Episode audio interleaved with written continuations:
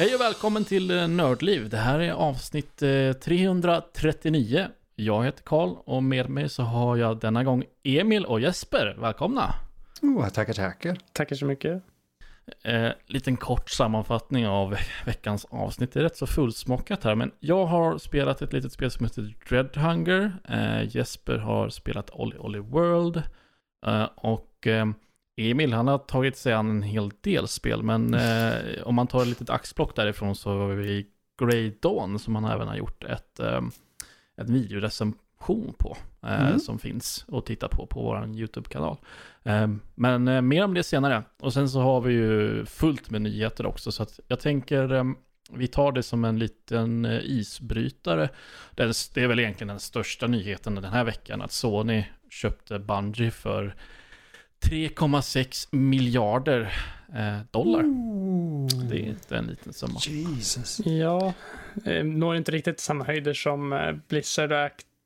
Eller ja, Activi- Ja. Microsoft som köpte Activision Blizzard. Där. Ja, Många men, namn ja. alla koll på.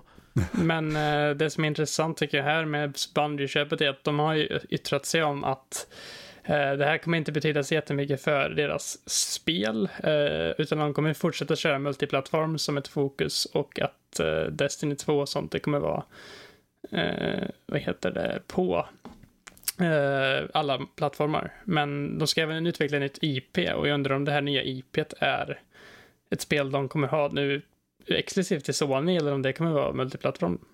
Det är en bra fråga. Det vore ju lustigt att de, om det inte var multiplattform.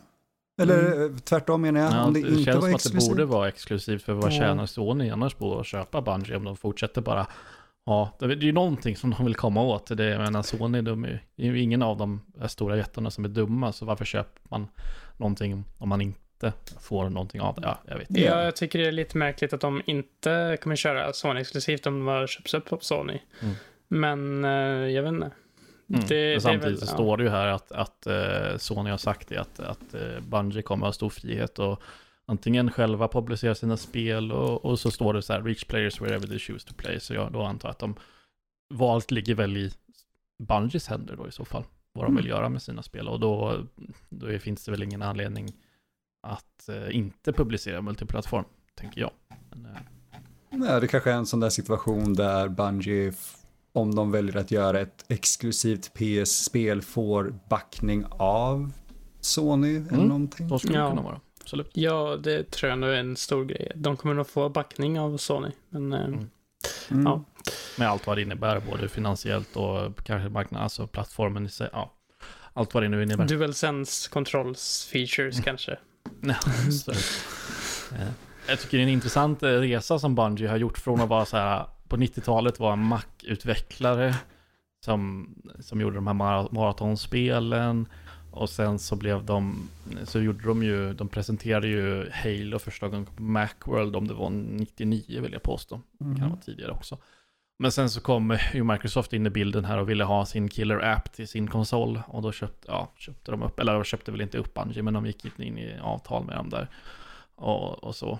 Och sen så gjorde de sina Halo-spel och bröt sig loss från Microsoft efter Halo Reach.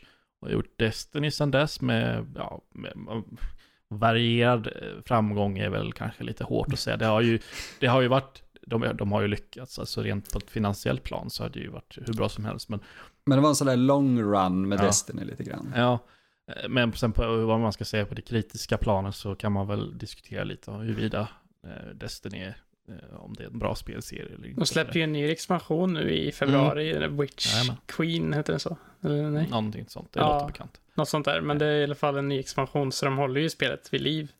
Fortfarande. De har en stor playerbase. Eh, Ja, så precis, att, det- eh, ja.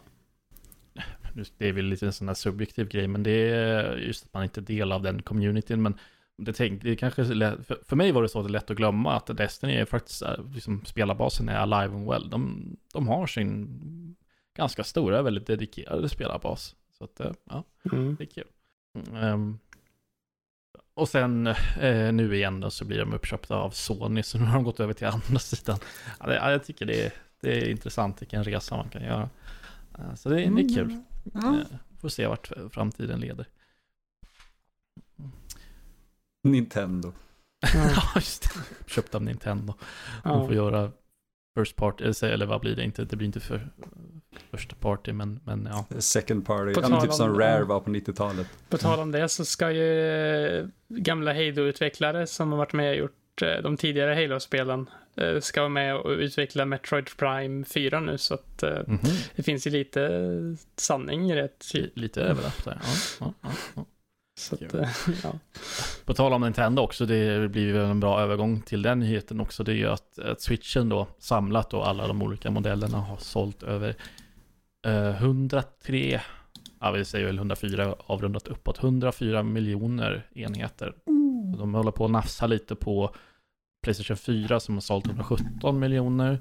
Eh, och det kommer, de fick en liten boost där förra året när de släppte eh, OLED-modellen av, av switchen där. Eh, så att det, det går onekligen bra för Nintendo. De lyckats bra igen där. Wien sålde ju som jag vet inte vad när den kom för många år sedan så sålde ju den galet bra. ja, Och sen så alla kom- hade det. Verkligen. Och sen, eh, sen så kom Wii U och det var ju lite av ett snedsteg. Mm. Sålde inte alls lika bra. Men nu är de tillbaka igen så Nintendo de har, har det i sig fortfarande. De vet precis vad de ska, vad de ska göra. Ja, det slå mig att jag faktiskt fick ett minne på Facebook idag tror jag att det var, eh, att jag hade varit på typ Switch event i Bergsala för fyra år sedan idag. Mm, mm. När de avslöjade den eller visade den. Eh, Så det var ju kul litet sammanträffande att vi pratar om den nu. Vänta Emil, var också. du där? Jag var också där. Yes. Aha. Jag var 40 kilo tyngre och förmodligen väldigt, väldigt skygg. Men eh, kul. Världen är liten ibland. Men var du där på någon Oh. sån här typ pressgrej då? Eller var du in efter? Nej, nej, jag var, jag var väldigt indie då. Var du eh, sex timmars kö typ? Eh, ja. Ja, men då var vi på samma tillfälle. och- Men eh, ja, eh, det var ju det var ju det året. 2017 hade ju verkligen ett så här pangår för Nintendo. Breath of the Wild, först Mm. med launch-titel, eh, vann Game of the Year och allt möjligt. Sen kom ju Mario Odyssey senare på året som var en väldigt stor framgång för Mario-serien. Och sen, Ja. ja. ja, Smash Ultimate kom ju året efter och sen nu 2020 var ju Animal Crossing en sån här retreat för väldigt många som Mm. under covid-perioden. Eh, Mm. Och sen nu i år också uppföljare till allt möjligt, typ Breath of the Wild, Splatoon och det Pokémon Legends Arceus som sålt väldigt, väldigt bra det spelet med. Har ju släpptes ju nu i förra veckan så att det, ja, Nintendo gör, det går bra för Nintendo nu. Och ja, man kan ju inte, det märks ju på ett sätt att de har varit med i gamet länge liksom. De vet precis hur de ska göra med att de släpper sådana här högkvalitativa första partsspel, nytt släpp liksom. Man måste ha någon form av killer app för att locka in folk liksom. Och det var ju Breath of the Wild i det här fallet då. Så det var väl där det började för många. Jag mig. Si. Men vi går in och pratar lite spel tror jag, så vi ska välja. Det här, jag vill faktiskt prata om det här, för det är kul. Jag har spelat det här, jag jag skrev upp det förra veckan, men eh, vi eh, hann inte med det. Men jag har spelat ett spel som heter Dread Hunger. Och det är ett eh, sånt där ehm, social deduction game. Det utspelar sig på de här expeditionerna. Eh, nu blandar jag alltid ihop Antarktis och Arktis och Antarktis. Vilken är det som är Nordpolen? Arktis. Arktis. Arktis. Eh, de här brittiska expeditionerna till Arktis i mitten på 1800-talet. Det där det utspelar sig, det är ett multiplayer-spel. Där man ska, man har liksom, man har typ fastat med, med, med skeppet då, så ska man ta sig fram. Eh, man, man går ut på en bana, ska samla ja, allt möjligt, kol, mat, eh, alla sådana här saker. Och så är det två spelare som är så kallade thralls, som ska hindra eh, ska stoppa alla andra då. Och det, det blir ju den här, det är som TTT eller eh, Among Us till exempel. Så det blir Mm. den här, de som, man vet ju såklart inte om vem som är, eh, vem som är Thrall då. Alltså, det blir hela, de- det blir den här vilda cirkusen med, alltså för spelet i sig, det är ju inte så svårt. Du går ut på banan, hittar kol som du gör för att driva, för att driva fram båten och sen ska du hitta eh, eh, nitroglycerin då som finns på kartan för att spränga ett isberg som är vägen och sen ska du ta dig ut då. Det är, ja, det är ganska simpelt egentligen, men det svåra kommer ju när man ska Eh, klura ut vem man kan lita på, eh, lista ut vem som är thrall, vem som är ute efter att sabotera och döda alla.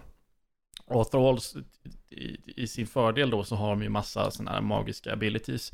Som de kan ta del av. De kan se, eh, man, de har en sån där eh, vision ability, man kan se eh, folk genom väggar och vart de är för någonstans och lite sådana där saker.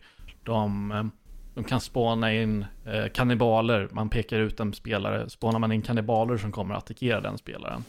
De kan göra en sån där whiteout så det blir jätte, jätte, jättedimmigt.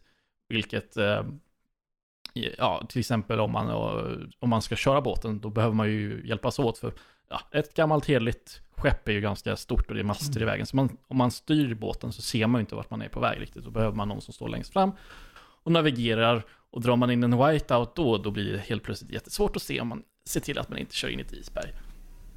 Eh, så att det här har varit min, mitt kompisgäng eh, stora ja, passion senaste månaden typ ungefär. Och det är verkligen ett skitkul spel faktiskt, måste jag säga. Det är riktigt bra. Nej. Unik setting ja. för ett uh, sånt där spel. Alltså, Arktis är väl ett område som inte är ut, ut, utforskat i media, typ, tycker jag. Så Nej, det... det får jag ju vara villig att hålla med om. Absolut. Jag får lite den här serien The Terror-vibbar över det hela. Det är oh. en tv-serie som kom för några år sedan som uh, utspelar sig, eller handlar om de där expeditionerna. Uh, så att det, alltså, det, det roliga i det här spelet kommer ju ur det här, de här situationerna som uppstår. Man ser någon som gör någonting lite suspekt, men man är lite osäker. Och är man lite för aggressiv, om man är oskyldig, men man är lite för aggressiv, ja, men då kanske man själv blir anklagad för att vara troll. För att, ja, och sådär. Så det, det blir ju hela de här situationerna man ska klura ut. Och det är också en viktig sak att nämna är att det är proximity chat i spelet. Så man, man pratar ju inte över Discord till exempel. Så att du hör ju bara de som är nära dig och du pratar och sådär. Det gillar jag. Och det, det är också, det, det är väl en, en, nyckel till att spelet fungerar som det gör. Just så att om du är långt bort, då, då hör de, de, de som är nära dig, det är bara de som hör dig och, och lite sådana där saker. Det är ju en slags inlevelse i spelet också, att det känns som att du är där liksom. Att oh ja. Det... Oh ja. Så att det, och det som jag uppskattar med det här spelet, för vi har ju spelat många sådana här social deduction games. Vi har spelat eh, Trouble in Terrorist Town på G-mod, vi har spelat Among Us. Eh, och vi har även spelat det här brädspelet som heter Secret Hitler och det är mm. liknande. Eh, det är liknande uppsättning där också. Men eh, det Dreadhunger gör är att de, de, de, det är ganska långa matcher sådär. Det är allt från kanske 45 minuter till en och en halv timme, någonting i den stilen. Och det gör att du kan spela det långa spelet, om du är, om du är Thrall då, så, är, så finns det god anledning för dig att verkligen nysta in dig bland alla andra och låtsas som ingenting och bara hjälpa till. För det gjorde en, en av de första matcherna som jag var med i, så gjorde en kompis till mig gjorde det. Vi sprang ut och var ensamma, bara han och jag, en lång stund. Jag tror vi spelade en timme tillsammans, vi överlevde flera nätter ute. Det så här, man, kan, man kan ju såklart, på natten så blir det ju kallt då. Så man måste antingen vara på båten eller så kan man gå in i, i tält och sånt som finns utspridda på kartan. Så håller man sig där inne och får värme och lite sådär. Och vi överlevde flera nätter tillsammans, vi skaffade ihop grejer, vapen och utrustning och så, så vi själva liksom tillsammans tog oss till nitroglycerinet och man måste slåss förbi. Eh, det finns lite isbjörnar på kartan som man måste ta sig förbi och, och ha ihjäl för att komma dit. Vi gjorde allt det här, vi spelade tillsammans, överlevde flera kannibalattacker tillsammans, allt det här. Och sen när vi var på väg ner från berget som ni tycker inte finns uppe på, för att spränga isberget, då förrår han mig då spränger han mig i luften. För han var, han var thrall hela, hela den här tiden. Alltså det är helt sinnessjukt. Um, så att, uh, ja det, det, det bäddar för, man får se till att vänskapsbanden är st starka innan man spelar det här. För att det bäddar verkligen för att man blir osams. Åh, oh, vad underbart. Har du, har du förlåtit honom än då? Ja, nej, han, får, han har fått höra den här historien ganska många gånger vid det här laget, så jag vet inte riktigt om... Jag, jag har inte förlåtit dig än, Viktor. Jag, jag har koll på dig. Jag vet vem du är. Jag vet vart din brevlåda bor. Um, uh, och det kan också uppstå sådana här roliga situationer som, som en annan gång. Uh, då var jag troll, det var en av mina för, första matcher. Så då, när man är troll, då vet man ju själv vilka som är skyldiga och vilka som är oskyldiga. Så man vet ju vem som ens kompis är som man ska samarbeta med. Och då blev det som så att en annan kompis till mig, han fick för sig att en annan oskyldig person, att han hade gått iväg och gjort någonting suspekt. Och han så här, drog sin stenhet på det, så han bara jag såg, eh, han gjorde någonting där borta, så nu dödar vi honom. Och så bara högg han ihjäl honom. Och, jag, så här, och, och alla blir så här, va? Vad är det som försiggår? Vad gör vi? Och han som är oskyldig, som blir nerhuggen, han blir ju skitarg. Bara, vad fan, ska ni bara låta det här hända? Eh, men jag står ju där, jag är ju bad guy. Och jag har ju ingen anledning att lägga mig i, i att de bråkar med varandra. För det är ju bara bra att de bråkar med varandra. Så att eh, man lät det liksom bara hända. Och det som jag gjorde sen var att det som händer är att när man dör, man har eh, två liv får man väl säga. Man, när man dör första gången, då hamnar man i skeppets eh, fängelsehåla. Eh, och så behöver man en eh, sån här skeleton key för att bli utlåst. Och de hittar man lite överallt på banan. Det finns ganska mycket av dem. Um, så då kan man låsa upp och släppa ut en spelare. Så jag, det jag gjorde sen, det var att jag släppte ut han som var oskyldig, som blev dödad. För att igen att de skulle börja bråka en gång till då. För det, är igen, det gagnar ju mig liksom för att jag eh, är bad guy. Eh, så att eh, det kan, kan uppstå mycket intressanta situationer. Som avslutande punkt, det jag gillar mest med det här Dread Hunger jämfört med andra sådana här typer av spel är just att du kan sabotera på ganska subtila sätt, om man säger så. Det är inte bara i TTT till exempel, ja vad har du för alternativ? Ja, men du lurar bort någon så att ni är lite ensamma så skjuter de fort som fan och så stink, sticker du därifrån. Det är typ det man har, det finns ju såklart lite mer saker. Men det du kan göra här, du kan eh, slösa mat till exempel. Du kan eh, ta kol som behövs då för att driva båten, du kan eh, ta det och kasta det i sjön så att båten inte kommer fram. Du kan köra in, du kan låtsas vara dum och köra in båten i, i, i isberg så att eh, båten börjar läcka och så måste, alltså du kan göra sådana här små saker som bara liksom sackar ner för att det är en tidsgräns på varje match också för det kommer en sån här snöstorm som gör att alla fryser ihjäl. Så att om de inte hinner iväg så, så, så vinner man på det viset också. Så att, eh, nej, eh, det, det, det, ja, det, det det, det är stort potential i det här spelet. Eller det har väldigt stor potential. Just att det, det, det vidareutvecklar hela den här genren av spel med Among Us och, och TTT och sådana där saker. Ja, bara hoppas det får en sån genomslagskraft som typ Among Us de har haft ändå under åren. Mm. För att det låter ändå just som att det utvecklar hela genren en del. Mm. Mm, ja, men det vill jag hålla med om.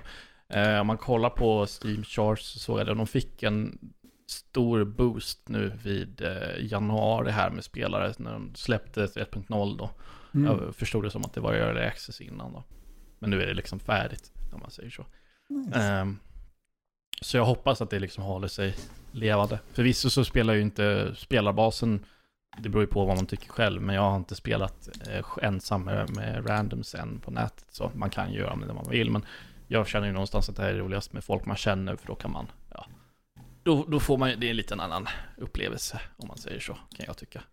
Eh, men de, de, jag skulle säga att de har, om det håller i sig, jag hoppas att det håller i sig. Eh, att det fortsätter och att eh, det säljer okej okay, så att de kan fortsätta utveckla det och kanske göra nya spel också för den delen. Mm. Mm. Så det var det, Dread Hunger. Jag rekommenderar det starkt om man har. Men det är um, värt att nämna, det är fyra till åtta spelare. Är det. Och jag skulle väl säga att fem kanske är minimum. Och då kan man, man kan justera alla inställningar bäst man vill. Om man är testare, man är, man är ett gäng och testare. Så kan man, man kan justera alla möjliga inställningar. Hur många trolls det ska vara, hur effektivt kolen är för att driva, alltså allt. Du kan, du kan styra hur många dagar det ska vara, hur långa dagarna ska vara, allt möjligt. Så att man kan ganska mycket skräddarsy om man, om man vill ha sina egna husregler så går det alldeles utmärkt. Eh, om man tycker att standardreglerna inte passar en av någon anledning. Eh, så vi experimenterade lite det med att göra kolen väldigt dålig så att varje kolbit inte ger så mycket mm. bränsle till skeppet. Men det var jätte, jättesvårt för då fastnade båten ute på öppet vatten och då vad som händer då är att när man ska hoppa ur båten då hamnar man i vattnet som är jättekallt och då fryser man igen. Så ja, ni förstår. Det, det är inte en bra grej. Um, det är ändå kul att de tillåter en att skräddarsy så mycket, även om man fuckar upp sig själv en del kanske. Mm, mm. Så det är mm. nice. Nej, så det var det. Uh, jättekul. Jag rekommenderar det starkt. Cool. I vilken ände ska vi gå vidare?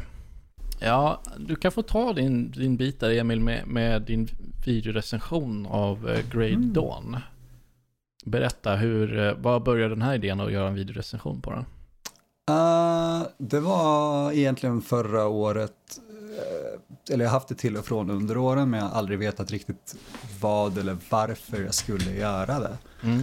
Uh, men sen började jag lära mig mycket mer om, om klippning. Jag har ju klippt i många år, men, men jag ville verkligen så här grotta in mig i typ After Effects och Premiere ännu mer. Mm. Uh, och bara, du vet, göra snabba projekt. Och recensioner känns ganska okej okay då. Man får en ganska bred canvas att jobba med. Och Grey Dawn var ett av de där spelen som jag bara snubblade över och jag gillar ju, om man ska kalla det, genren walking simulators och så, gärna med en liten så här skräcktwist. Och det är ju i princip vad det är. Och jag går in, liksom in mer på det i videon och så vad det är, men eh, det kändes bara som en bra kandidat att testa vissa grejer på. Så jag spelade faktiskt in materialet typ samtidigt som vi släppte en annan video förra året som var typ skräckspel att spela under oktober. Och då hade jag spelat in lite av det här och bara, ah, jag ska nog inte ha med det i den här videon för jag kan nog göra någonting mer av det. Så jag hade materialet liggandes från typ oktober förra året och nu klippte jag i ordning det och släppte det som en liten videorecension. Så vi får se om det går bra och så, så ska jag nog definitivt göra fler sådana. Uh, och jag har redan en lista på spel som jag tror lämpar sig för det. Är det, det är inget nytt spel alltså? Nej, uh, jag, jag gillar ju att hålla mig liksom ganska liksom, tillbaka i åren, om man ska säga. Jag gillar inte, jag, det är sällan jag gillar spel som är väldigt nya. Jag vet inte, jag vill att de ska landa lite och hypen eller så ska försvinna. Och Grey Dawn är väl från 2018 tror jag. Så det var ganska perfekt att ta det som kandidat tror jag. Mm. Mm. Mm. Och det, alltså kortfattat så man spelar en, en präst som heter uh, Fader Abraham, Fader Abraham, eh, Abraham och han eh, är misstänkt och anklagad för en serie av eh, typ barnarov och mord och han eh, han genomgår lite, jag tror jag säger det i videon också ganska exakt, att eh, han genomgår en inre undergång. Och han eh, börjar reflektera väldigt mycket om, har han något med det här att göra, har han inte det? Och sen kommer man ännu djupare in i en egen historia om honom som är ganska tragisk och så. Och det är, det är väldigt intressant, för det låter som att det är ganska ytligt och det låter som, för att det är väldigt så här religionstungt. Mm.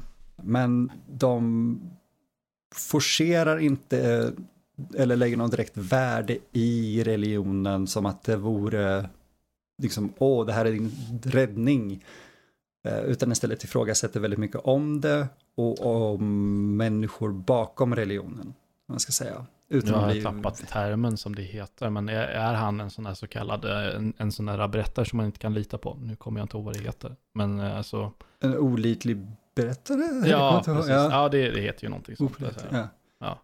Unreliable narrator. Ja, exakt. Typ. exakt. Uh, typ. De, jag vill inte gå in för mycket på det för att jag spoilar ingenting i själva videon heller för att det är det storyn är det spelet har egentligen. Mm. Uh, för att det är inte jättemycket spelmekanik. Uh, men det har vissa sådana tendenser som gör att man ändå hela tiden funderar för att man vet aldrig riktigt vad som stämmer eller inte. Uh, och det, det, är, det är kort, det är typ 3-4 timmar långt. Mm. Mm. Och är perfekt en kväll för någon som mig.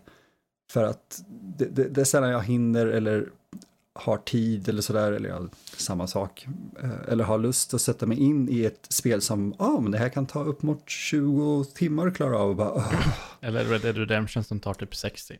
ja, jag, eller någonting, 50. Det, jag började Red Dead 2 och det var så här, det här är bra när jag lär mig kontrollerna och det kommer inte hända på ett tag. Och sen är det långt spel som det är. Så det är så här, det är jättefint att titta på. Jag vill inte röra det igen på ett bra tag. uh, så jag, jag, jag, jag, är förtjust i, i lilla Grey Dawn och vad det kunde. Mm. Uh, det lilla spelet som kunde. Ja, men jag, jag får verkligen den känslan av det. Eh, dessvärre tror jag inte att det såldes superbra för studion. De har gjort typ ett spel till efter det. De har gjort ett par andra så mobilspel innan men de gjorde ett till Switch efteråt som heter typ Sea Pirates eller någonting. Eh, men eh, författaren till Grey Dawn håller på att göra ett spel som i samma typ universum tror jag till och med, som Mm. heter The Last Days of Lazarus. Eh, som är lite mer fokuserat på skräck och interaktivitet. Det finns en typ prolog på Steam som är rätt bra. Så mm, det var, var spännande. På Steam, det finns ett, ett Grey Dawn demo så vill man Ja, prova det. så är det bara att göra. Ja. Nice. Definitivt värt att spana in. Ja, men, ja, men vi rekommenderar såklart alla att gå in på, på YouTube och söka upp vår YouTube-kanal och kolla på, på uh, Emils videorecension. Kan, kanske kan, till och med kan länka till den i avsnittsbeskrivningen. Mm, det tycker jag ja. borde gå på något vänster.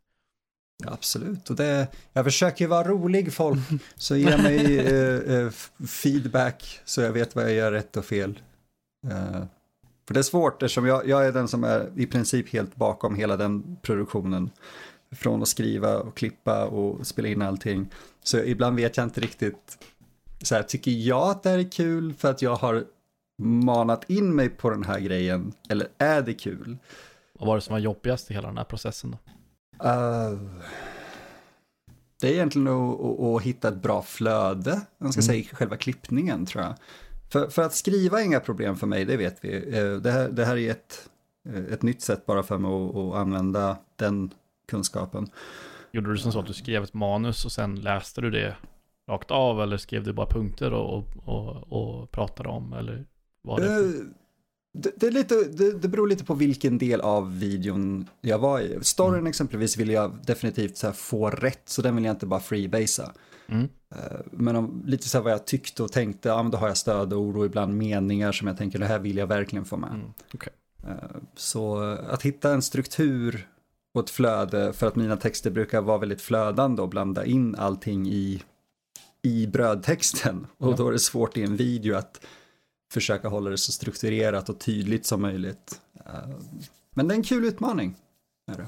Så- Ja, definitivt. Och man tänker inte på det, man är ju så van. Det här laget liksom, år 2022, det finns ju hur mycket videorecensioner eller sådär videokritiks av spel som är allt från liksom, ja, en kvart till två timmar långa liksom. Och Man, är, man, tar det, man tar det lite för givet, men det är väldigt mycket arbete som går in i det eh, från, från start. Ehm, Speciellt om det är Ja. en person som gör dem också för att jag tror att videorecensioner från eh, typ sådär stora spelsajter och sånt oftast har en som gör olika sysslor, typ en som skriver manus, en som Mm. pratar, en som spelar in.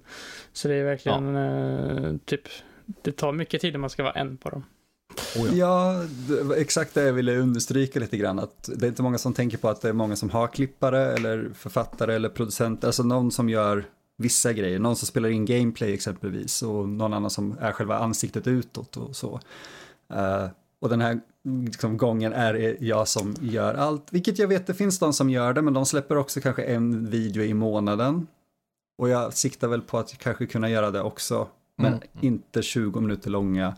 Nej. För att jag, det, det är på svenska för det första, så redan där är liksom så här, den basen är väldigt liten. Och Oh ja. 20 minuter gör att folk inte alltid vill sitta kvar. Så jag hoppas på att kunna koka ner till 10. Eh, Men vi får se. Det är ett första försök i alla fall.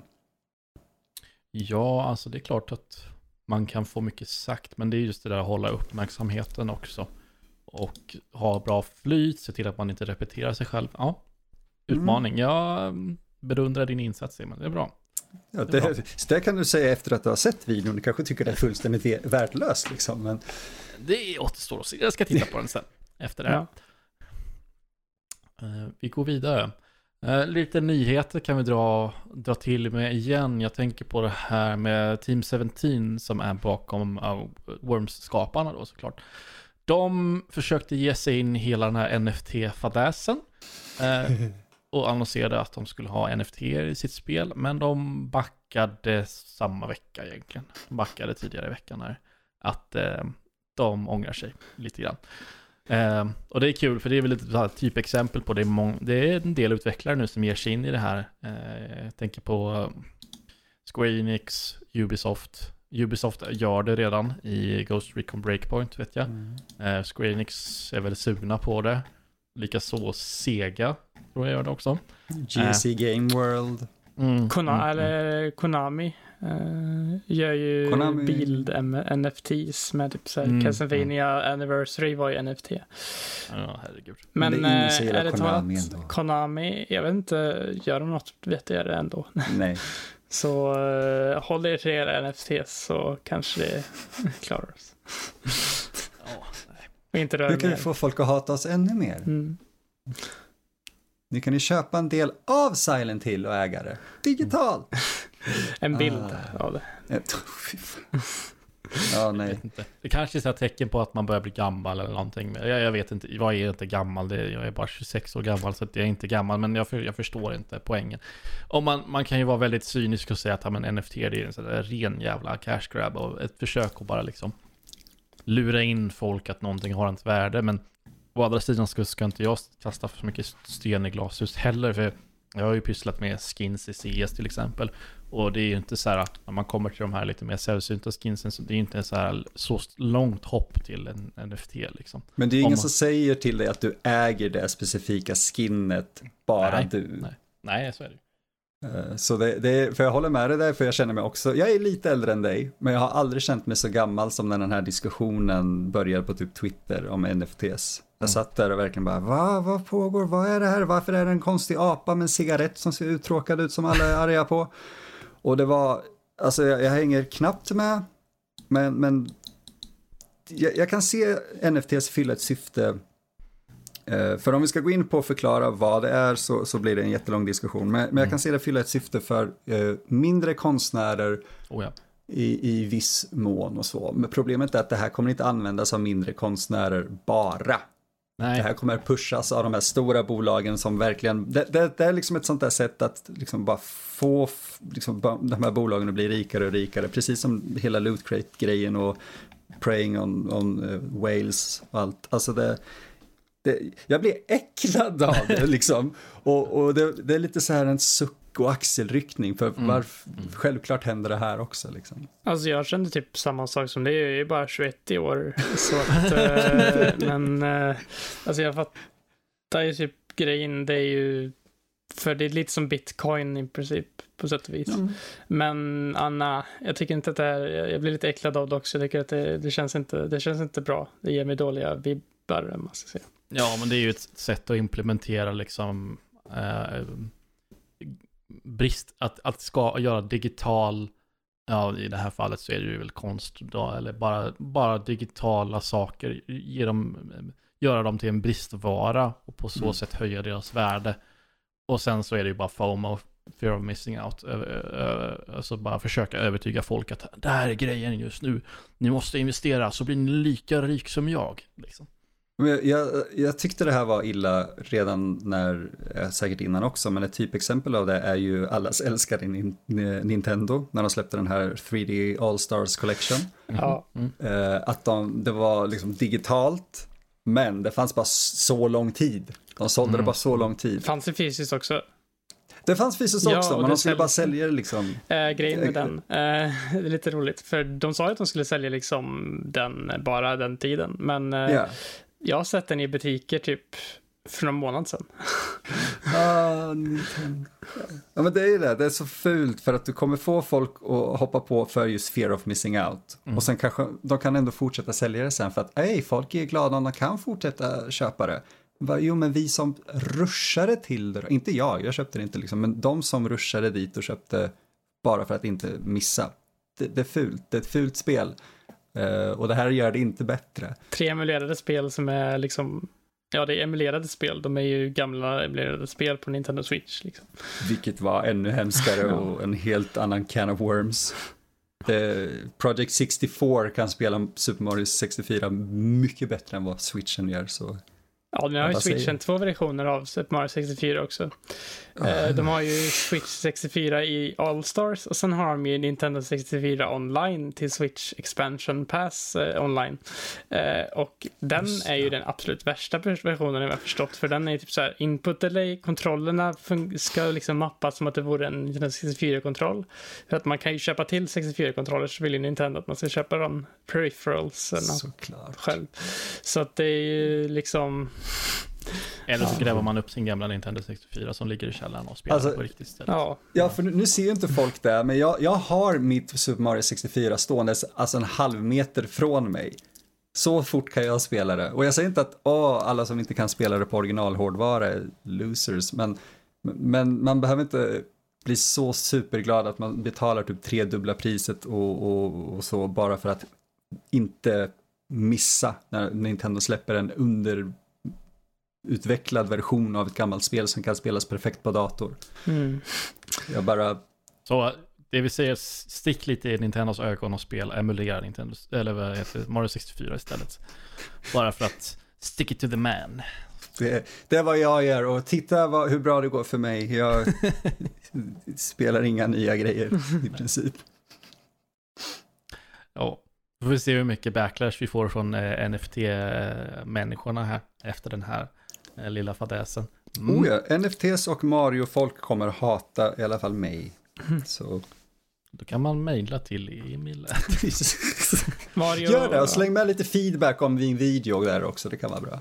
Ja, ja Mario-spelen är bra. Eh, Både Odyssey och Bowsers Fury. De senaste spelen tycker jag är riktigt bra. Och så med Nintendos, eh, man kan ju prata om deras liksom finansiella avdelning och deras eh, spelskaparavdelning. För de, ja, jag skulle De säga att det håller tillhör hårt i inkomsterna. om Ja. det för allt vad det är värt. Mm. Nog om NFT. Det är, förhoppningsvis så är det bara en liten bubbla som spricker snart. En liten fluga som försvinner inom kort. Men eh, förmodligen inte. Ehm, vad kan vi prata om? Uh. Ja, just det Jesper. Du eh, hade ju spelat eh, redan i förra veckan eh, inför det avsnittet. Du spelat Olly Olly World. Men det var Yes. ju embargo på det. Så, men det är det inte längre. Så Nej. berätta. Ja, det är ju eh, Roll 17s, eh, inte Team 17s då, eh, den berömda skateboards-serie, eller typ side-scrolling platforming eh, skateboard-serie egentligen. Det funnits två spel innan, Olly Olly och Olly Olly 2. Eh, och de här spelen var ju väldigt hardcore, typ bara banor man åkte på och liksom du ska göra tricks och sånt. Och, men det här spelet Olly Olly World, som är det tredje spelet i serien, är mer av en story, eh, liksom, spel. På sätt och vis lite, nej, inte alltså jättedjup story, men det är typ som täckt i ett Mario-spel ungefär. Du är på en världskarta och är på lite olika världar. Lite sånt. Och premissen är att du är eh, ute efter att bli en skatinggud, bokstavligt talat. Eh, och du ska nå Narvana, som det heter eh, i deras värld. Och du ska träffa på olika skate gods som finns, med Z då, skate gods som finns i slutet av varje värld. Och till slut så ska du eh, liksom ta över eh, liksom rollen som en skate wizard, eller man ska säga. Och eh, det är en ganska charmig story tycker jag. Det tar sig inte sig själv seriöst direkt. Du, du har ett gäng karaktärer du pratar med eh, under spelets gång som utvecklas och varje område har sin egna skara karaktärer du möter på som kallas för så här, local heroes eh, som finns lite överallt. Eh, det är en väldigt snygg spel grafiskt sett. Det är lite cell shading i grafiken. Eh, Mm. Tecknad stil. Eh, och ja, ja, det ser snyggt ut att spela.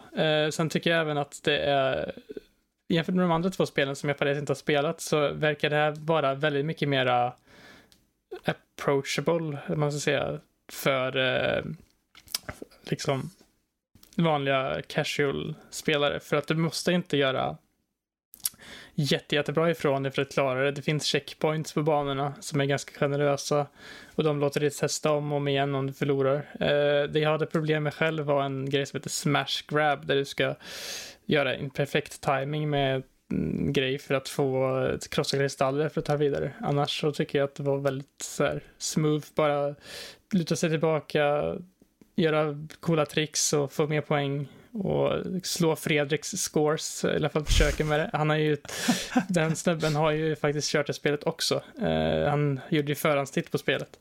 Så han har ju tydligen klarat ut hela spelet, så han har ju ban- poäng på varenda bana. Så jag försökte slå honom, men ah, det gick inte alltid så bra, för han, han var rätt, han hade ganska bra scores. Ibland lyckades jag, men ibland så var det lite så här, okej, okay, hur lyckades han med det här nu? Men, skulle du kalla det the dark souls av skateboardspel? Nah, nej, det skulle ja. jag inte göra egentligen. Det kanske man skulle göra med andra två, vi har förstått, men inte det här egentligen. För det, det finns Alltså det finns ju leaderboards och sånt och du kan ju göra specialutmaningar. Det finns lite sidequests och lite grejer du kan göra. Och sen när det är klart spelet så finns det även en uh, typ mode där du ska i Narvana då du kommer till som du ska liksom slåss mot, eller inte slåss, uh, du ska skata och få så jättehöga poäng som möjligt för att slå leaderboards och sånt. Så det finns ju mycket omspelningsvärde om du så önskar. Även om spelet själv i sig kanske är runt fem timmar och bara klara ut storyn. Så. Alltså du sålde mig på det på en gång. Mm. Sen så tappade jag ganska mycket smak för det när du sa Gods med liksom Z. Men sen så... Mm. Ja, jag, jag, jag, tycker att den har en väldigt uh, finurlig humor ändå. Den överdriver inte onödigt mycket men den är ändå lite så här... Ja, ah, okej. Okay. Så eh, och ja, Gods det är väl det sätter väl tonen lite grann kanske när de använder Z där. Jag har inget emot det, men jag har sett så många användare just det här Z-grejen, fast genuint. Och då, då får jag problem. Men jag gillar när folk driver med det. Så, det är lite mer jag... att driva hållet skulle jag säga dock. Faktiskt. Bra, då, då, då, är jag med. Jag är på igen Jesper, du fick på mig igen. jo, men äh, definitivt äh, rekommenderar jag att, äh, även om du kanske inte är ett jätteduktig på skate-termer och liknande skate-saker och sånt, så tror jag ändå att de flesta kan ha kul med det här spelet. Det är ganska... Kanske inte ämnar att vara det heller, alltså, seriösa sådär. Det är ganska mm. chill spel mm. och ja, 2022 börjar ganska starkt. Mm tycker jag. Spännande, kul. Kan hoppa in på lite mer uh, nyheter. Vi såg tidigare i veckan så släpptes det en trailer till en ny tv, en Halo tv-serie. Mm. Uh, uh, och... oh, nej, sucken. Stor suck. Nej, jag ska inte vara för hård. Alltså, jag, jag har bara, det är bara så här att en trailern ger mig fler frågor än svar egentligen vad det ska, vad det ska handla om. Om det ska vara sin egna storyline som typ inte är canon. Eller om det ska vara liksom en fortsättning av någonting annat som har hänt i spelen. Eller ja, någonting i den stilen. Jag förstår inte riktigt hur allting ska platsa med alla karaktärer som de visar liksom i, i spelet. Jag förstår inte hur det, det hänger ihop. Eh, så att när jag min första reaktion när jag såg trailern var verkligen så här, äh, vad är det här på väg? Vad gör de med Halo? Men jag ska göra mitt bästa och försöka ha ett öppet sinne. För det visst, alltså, det, det syns ju att den är påkostad. Men på vissa punkter så ser den billig ut också samtidigt. Så det är lite så här, ja, det är, det är lite skumt. Um, så vi, vi får se vart det ta vägen? När skulle den här komma i mars? Verkar det som. Så ja, det är inte så lång tid kvar så vi kan väl, man kan väl återkomma till den när, när den väl har kommit. Kan jag såga den totalt då, utan att ha, när jag faktiskt har lite kött på benen att göra det. Hur är det nu? Eh, har det inte kommit Halo-serier tidigare också? Eh, De började utveckla ja. en. Ja, det kom ju en eh, kortare serie som heter Forward Unto Dawn. Och mm. den var, den var faktiskt helt okej. Okay. Den var lite, märktes att den var lite lågbudget och sånt där. Men den gjorde ju, den gjorde ju rätt på så vis att den inte handlade direkt om Master Chief. Den försökte etablera sin egna lilla story fast i Halo-universumet. Nu, nu förvisso dök Master Chief upp i den serien, men den handlade i första hand om andra karaktärer som de byggde upp själva, vilket jag anser att det kan ju på ett plan vara bättre enklare att skapa sina egna karaktärer i samma universum och berätta en ny story istället för att kunna plocka in befintliga karaktärer som folk har vissa förväntningar kring. Alltså folk som jag har vissa förväntningar kring. Um, så att, eh, ja, jag är väldigt skeptisk.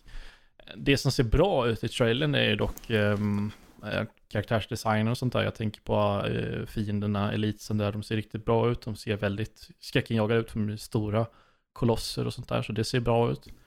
Um, det som är synd är att de inte fick med Master Chiefs röstskådespelare, så det är en annan röst till Master Chief. Um, igen, det är, det är ju sån där sak man hör, man ser det första, man hör det första gången att det inte är rätt röst på Master Chief. Då blir man ju så här först direkt bara eh. Men sen å andra sidan, fine, okej, Mm. låt det vara liksom. Det, det är inte hela världen egentligen, eh, om man ska vara så. Eh, dock så fick de med skådespelerskan för Cortana. Ja, vad, är, det- vad är det hon heter? Typ Jay Hartley? Nu satte du mig på, på pottkanten här nu. Ja, förlåt, det var inte meningen. För, Nej, för hon, hon släppte en, eh, hon var med i en intervju nämligen Mm. med en av våra tidigare gäster. Jajamän. Eh, Paul Morgan Stettler som har... en- Jen en- Taylor. Jen Taylor. Mm. Eh, det finns en serie som heter Conversations with Curtis som Mm. går igenom, FMV spelar just nu uh, Fantasmagoria 2 och det är lett av han man spelar som i Fantasmagoria 2. Och hon var senaste gästen nämligen. Och då pratar de om uh, Halo-serien och även hennes då roll som Cortana i alla år. Så det, det är en kul liten så här, ah titta, ormen äter sin egen svans. Vi kommer tillbaka verkligen. till det. Så att, ja. Mm. Mm. Men det, alltså Halo har ju ändå haft så här eh, kortfattat liksom bara, men de har ju gjort mängder av böcker och så. Mm. Det. så Lauren har väl utvecklats så, så jag antar att det kanske finns någonting att hämta. Jag har för mig ska utspela sig innan, så kanske. Ja, vi får se. Ehm, Ja. Det är inte låt kvar heller, så att... Jag eh, är bara ledsen att Neil, Bom, Neil Blomkamp inte gjorde en Ja. hel Halo-film. Jag gick tillbaka och kollade på den lilla Halo-kortfilmen som han gjorde och drömde om en bättre tidslinje. Ehm, Där han fick bo- göra både Halo och Alien, Ja, och inte. Demonic. Ja. Å andra sidan så gjorde han ju, gick han ju vidare och gjorde District 9 och det var ju en väldigt bra film. Så, mm. Det är sant. så att, Men, tar och ger liksom sådär. Det, mm. Jag hade hellre velat, för att det märktes ju, det är ju i och för sig hans, Neil Blomkamp, det är förvisso hans stil, men det passade väldigt väl, det här råa, gritty, eh, låga kameravinklar, väldigt sådär eh, jordnära. Det passade verkligen i, i den stilen passade verkligen eh, Halo, särskilt när det liksom, när det utspelar sig, den lilla kortfilmen utspelar ju sig, jag tror den heter Landfall, har jag för mig att den heter. Den utspelar ju sig strax innan Halo 3 börjar. Och då är det liksom mänsklighetens sista, det sista final stand, det är bara jorden som finns kvar. Nu ska vi rädda världen liksom, he- hej hå. Och då passar det ju verkligen med den här desperata känslan som de får till liksom. Um, ja. Jag tycker det, ja, det är synd. Och jag, ehm, jag återkommer på den här punkten. Jag ska se till att se, titta på den här och försöka ha så öppet sinne som möjligt. Jag vill inte vara superelitistisk, men första intrycken var lite så här, eh. men å andra sidan, jag ger det ett försök så får vi se. Eh, Vet, jag, jag kan relatera till det jättesnabbt med det där, Mm. för att då har du Halo att göra så med. Att Ja. se det med ett öppet sinne. Jag har eh, typ nionde Texas Chainsaw Ja, Massacre-filmen just att. Ja, se det. med samma öppna sinne. Så vi, vi får båda återkomma på hur, hur folk spör upp våra barndomar. hur var det med, eh, såg du senaste Halloween-filmen Halloween Kills, Emil? Yes, det gjorde Var, jag. det, var den något att ha då? Den är speciell. Den har, eh, den bär sin symbolik och, och sin poäng på, på armarna, eller säger man, on its sleeves. Den är så extremt övertydlig med vad den vill säga, att den förlorar sig i det. Okej. Eh, men ah, det, det är en sån här fanservice-film som försöker vara mer än vad den är. Eh, men, men alltså, de har väldigt intressanta bitar i den också, så jag skulle säga att den är värd att se. Ja, Men då så. Mm, mm, mm. Ja, jag, jag, bara, jag, jag har inte sett Halloween Kills själv, jag bara var medveten om det för att ett av mina, nu har inte jag den tröjan på mig för jag tog, bytte precis den, jag har eh, Ghost, en av mina eh, favoritband just nu, gjorde musik till eh, den filmen. Yes. Musiken är väldigt bra, Mm. kan jag säga. Så, mm. Så. Ja, vi cirkulerar tillbaka till Halo när serien faktiskt har kommit. Så jag antar att eh, det kommer komma en sån där ett avsnitt i veckan grej. Så vi får väl se hur det går på den biten. Ehm. Eh, vidare i serievärlden så, det, ehm, så är det på ingång en Obi-Wan Kenobi Disney Plus-serie. Sägs att ha premiär i maj i år. Och eh, jag är bara glad för Ewan McGregors skull. egentligen. Yay! Eller hur? Det är Ja. det man är glad för nu när det kommer till Star Wars. Ja, för det har ju sagts. Han har ju sagt det väldigt länge, alltså det var ju länge sedan han gick ut och sa det, att han gärna ville återkomma, eller gå tillbaka till den, återgå till den rollen då som, som Obi-Wan. Eh, Så det, det är jättekul. Star Wars, eh, Book of Boba Fett är ju stort just nu. Um, jag, jag har inte sett Book of Boba Fett, men nu, nu eh, först så, eh, det greppade mig inte, så jag tittade ju på Mandalorian när den kom. Eh, Just med det här med att det sades att, Bo- att Boba Fett skulle få sin egna serie, det greppade inte mig så hårt. Men nu har jag hört att, att ehm, Mando är med i den serien också, på ett litet hörn. Då blir jag lite mer nyfiken och komma in och titta. Jag har bara läst det i förbifarten så jag vet inte hur, till vilken grad det stämmer. Så har jag fel så mig. Ja, alltså det kanske är en stor grej, men det är ju så att vad, de, gör, de jag har hört ifrån säger typ så här att det här är inte Book of Boba Fett längre, det här är Mandalorian säsong 3 från och med nu. Jaha, okej. Att, Ja, ja, eh, kanske var lite av en spoiler, men eh, jag Ja. har inte sett den så jag vet ingenting. Ehm, Nej, inte jag heller, så jag vet inte heller. Men eh, Men själva nyheten som vi var inne på, eh, Obi-Wan Kenobi, Disney Plus, är jättekul. Eh, jag, Mm. jag hoppas att det, det blir bra grejer. Um, um, för för Ewan McGregors skull mest. För han är en mysig pojk. Ja men han är det och är det inte skönt ändå att- att vara lite glad för någonting så enormt stort som man har varit så besviken på så länge. Mhm. Jag, jag, åtminstone var lite exalterad. Jag är död på insidan men någonstans så liksom väcktes den här barnasjälen i mig när, när jag såg att det här faktiskt kom. Det finns ett ljus, det finns ett hopp. Ja och sen så kommer jag väl bli besviken men det är inte något. Jag fick vara glad nu. Eh, Så ja, jag ser På fram tal emot om att bli besviken, då får vi se här. Rockstar har officiellt gått ut med att de ehm, håller på att utveckla GTA 6. Och Det är väl ingen större överraskning, men nu är det liksom sagt i alla fall att de håller på med det. Ja. Och man kan väl göra lite uträkningar med när de eh, med utvecklingscyklerna där, de här spelen är ju massiva, de tar många år att utveckla hit och dit, så man kan väl dra lite napkin math och försöka räkna ut hur länge det här kommer ta, men alltså det här är ju många år fram i tiden. Ehm, särskilt på det här sättet som de har mjölkat GTA 5, som nu har släppts på, eller ska släppas åtminstone, på tre olika konsolgenerationer. Vilket det, det är lite komiskt på något sätt. Eh, och det lever ju vidare med GTA Online och de har ju tjänat mycket pengar på GTA Online och sånt där. Ehm, så att, ja, var det inte i mars det skulle släppas till PS5? Mm, det kan stämma. Det kan För jag stämma. vet Jag, att, jag har eh, bara sett att det, att det har kommit, eller att det ska komma. För jag minns, PS5. eh, vad heter det, Playstation 5 första liksom announcement showcasen de hade med PS5 i fokus. Där de Mm. annon- visade konsolen när den såg ut och sånt. Det allra första de visade var GTA 5 now coming to PS5. Ja, herregud.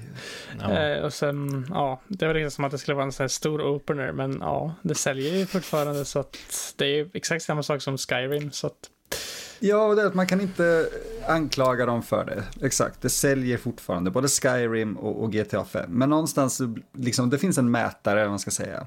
Det, det blir den här, man, eh, man gillar någon eller ett bolag och ett spel och man betalar mer än gärna för det. Liksom, man har respekt för dem ungefär ett par år där. Men sen när de börjar mjölka det för mycket och man märker att nu, nu vill ni bara tjäna mer pengar än att släppa bra content. Det är då man börjar tappa liksom den här respekten och mätaren för respekt sjunker och pengarna ökar. Eh, och då blir det lite den här, jag är inte exalterad för vare sig Elder Scrolls 6 eller GTA 6 längre. För att det känns som att de har liksom spelat ut sina kort med att mjölka sina tidigare eh, installament, om man ska säga. Så ge mig någonting nytt i så fall.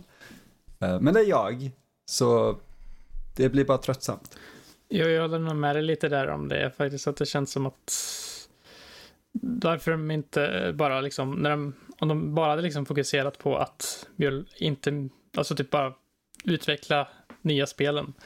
Eh, så det känns mindre så. Men nu känns det som att de bara vill liksom ha pengar. Och ja. Yeah. Liksom gör som Dying Light, så här, expansioner, håll det vid liv. Sen kommer tvåan och det känns fortfarande som att de säger, ja, vi håller fortfarande Dying Light uppdaterat. Men vi har fokuset på tvåan nu. Det, det, det känns som en så här bra hybrid jag kan leva med, man ska säga. Dock kom ju det igår och, eh, eller var det igår? Kom, jo, det blev igår. Förstör inte min poäng. Eh, och så blev det var ganska mycket kritik om att det var buggigt eh, och sånt. Men, Det är ja. alltid då, allting släpps i typ så här jag släpper inte 0.7. bugget idag. Ja, det Nej. finns ingenting som släpps i 1.1 längre, eller 1.0, så det är så här bara fuck it, släpp skiten när det är typ spelbart. Och, Ta in en Unity-modell med en liten kub och det är ett färdigt spel, vi kan uppdatera det sen, fuck it, ut bara. Det, det är lite så det känns. Det jag hoppas om jag får liksom sia lite i framtiden eller bara ha lite önskemål om GTA 6 så hoppas jag att det här är det spel som Rockstar bryter sig ifrån sin eh, uppdragsdesign. Ja. Det, det lider ju både all, typ alla GTA-spel egentligen och uh, Red Dead Redemption lider ju av det att det är öppna open world-spel med otroligt linjära uppdrag. Så på, på, på en nästan skrattretande nivå hur linjärt det är. Det är liksom så här, gå hit, gör så här, E- exakt de här promptarna ska du följa.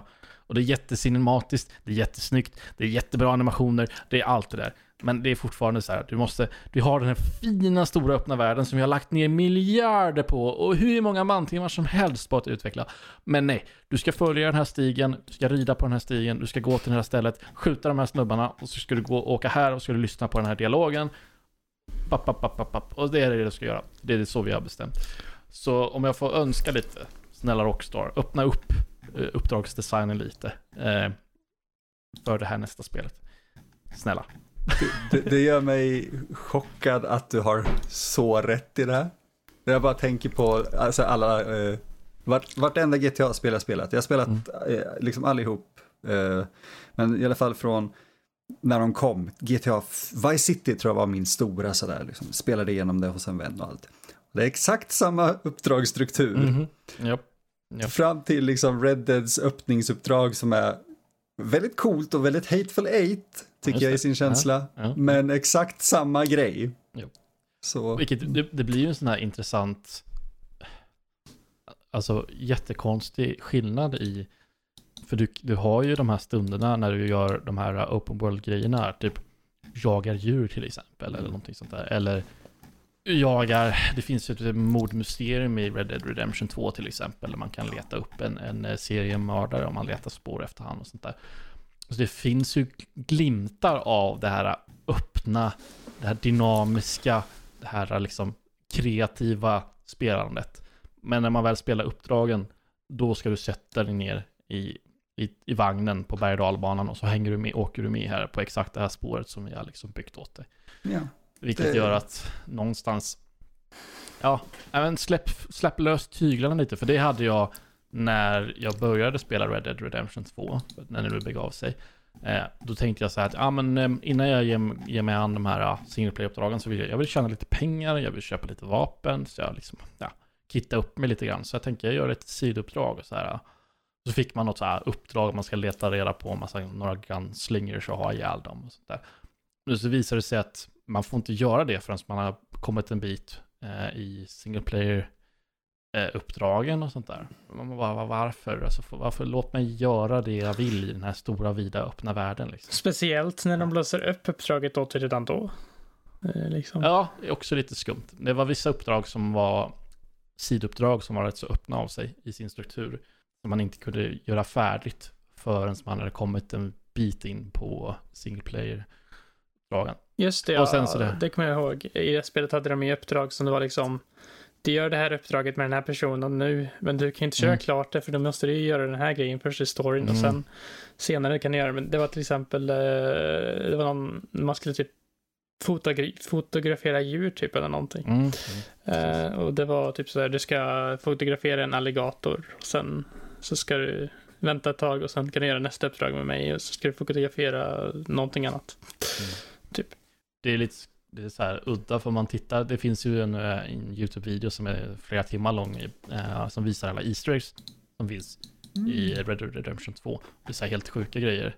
Ehm, eh, och det, så det finns ju massvis att upptäcka och så här dynamiska events som bara händer när du liksom kommer dit och det är ingen anledning att de är knutna till något särskilt uppdrag och sånt där. Så det finns ju i spelet, bara att de vägrar liksom applicera det på, på eh, huvuddelen av spelet som är alla single player-uppdrag. Liksom.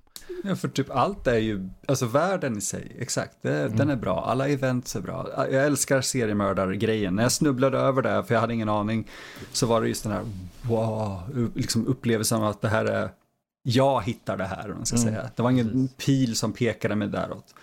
Uh, det, det var så coolt, men så fort man kommer in på den här väldigt, väldigt snäva korridoren så fort man pratar med någon för att göra ett uppdrag så dras man ur den här väldigt levande och dynamiska mm. världen. Mm. Så jag vet inte hur, men jag önskar precis som du säger att de släpper det på något mm. vis. Ja, jag undrar ju en sak då och det är ju med Breath of the Wilds uppföljare som ska komma i år. Eh, så har de ju sagt i intervjuer, typ när de visar första trailern så här att vi har tagit väldigt mycket inspiration för Red Dead Redemption 2. Våra utvecklare har spelat det spelet och fått mycket inspiration till eh, typ uppdragsstruktur och liknande. Så det no. blir ju, ska de kan... gata och sånt och typ jag vet inte. Jag, Skjuta Ganon i huvudet. Om jag skulle få gissa så har det mer med typ det här att du har en bas typ som du går mm, till. Just det. Eh, du ja. har ju en bas, du, du är normal i princip.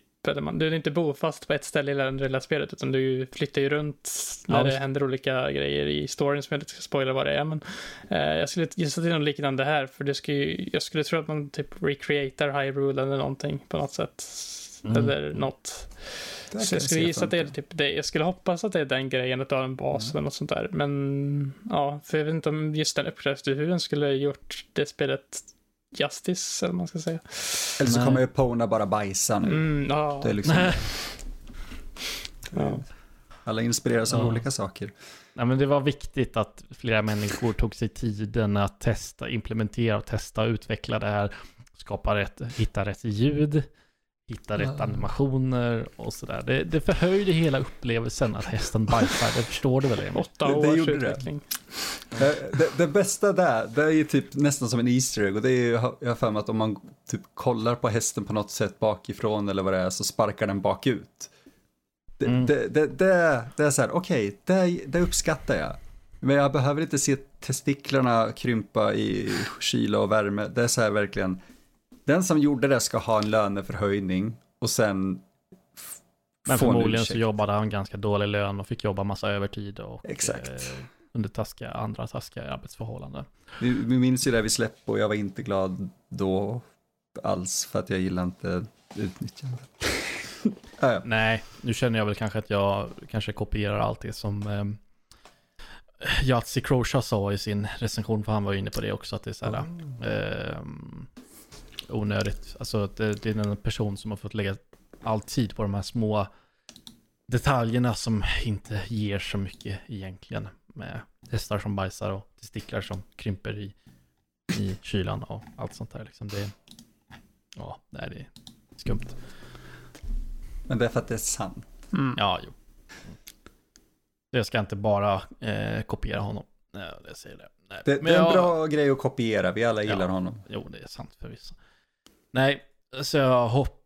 jag önskar något plan att det är mm, öppen eh, uppdragsstruktur i GTA 6. Men det återstår ju att se. Det är många år till dess. Vi återkommer. Av Nördliv avsnitt 539. Om fyra ja. år. Ja. Ska komma ihåg det här. Yes. Eh, vi, vi hoppar vidare. Nu ska vi se här.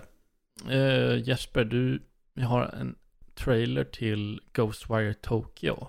Ja. Som att du har koll på vad det är för någonting. Ja, jag har ju mer koll på nu än jag hade innan. Eh, när de innan de visade, då visste man inte riktigt om det var ett typ multiplayer, du går runt med vänner och dödar de här eller någonting eller vad det nu än är. Men det här är i alla fall ett typ, typ skräck fast ändå inte, alltså det verkar inte vara jättemycket fokus på skräckdelen i och för sig, men det är typ action i tre, eh, första person.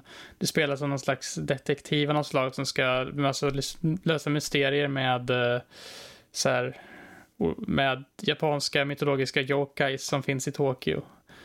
Eh, och ja, det verkar vara väldigt mycket fokus på typ eh, så här, olika magiska förmågor och abilities som du kan använda dig av och bara slasha runt med. Och verkar vara väldigt fluid, fluid alltså bra strider. Eh, roliga ser de ut att vara i alla fall.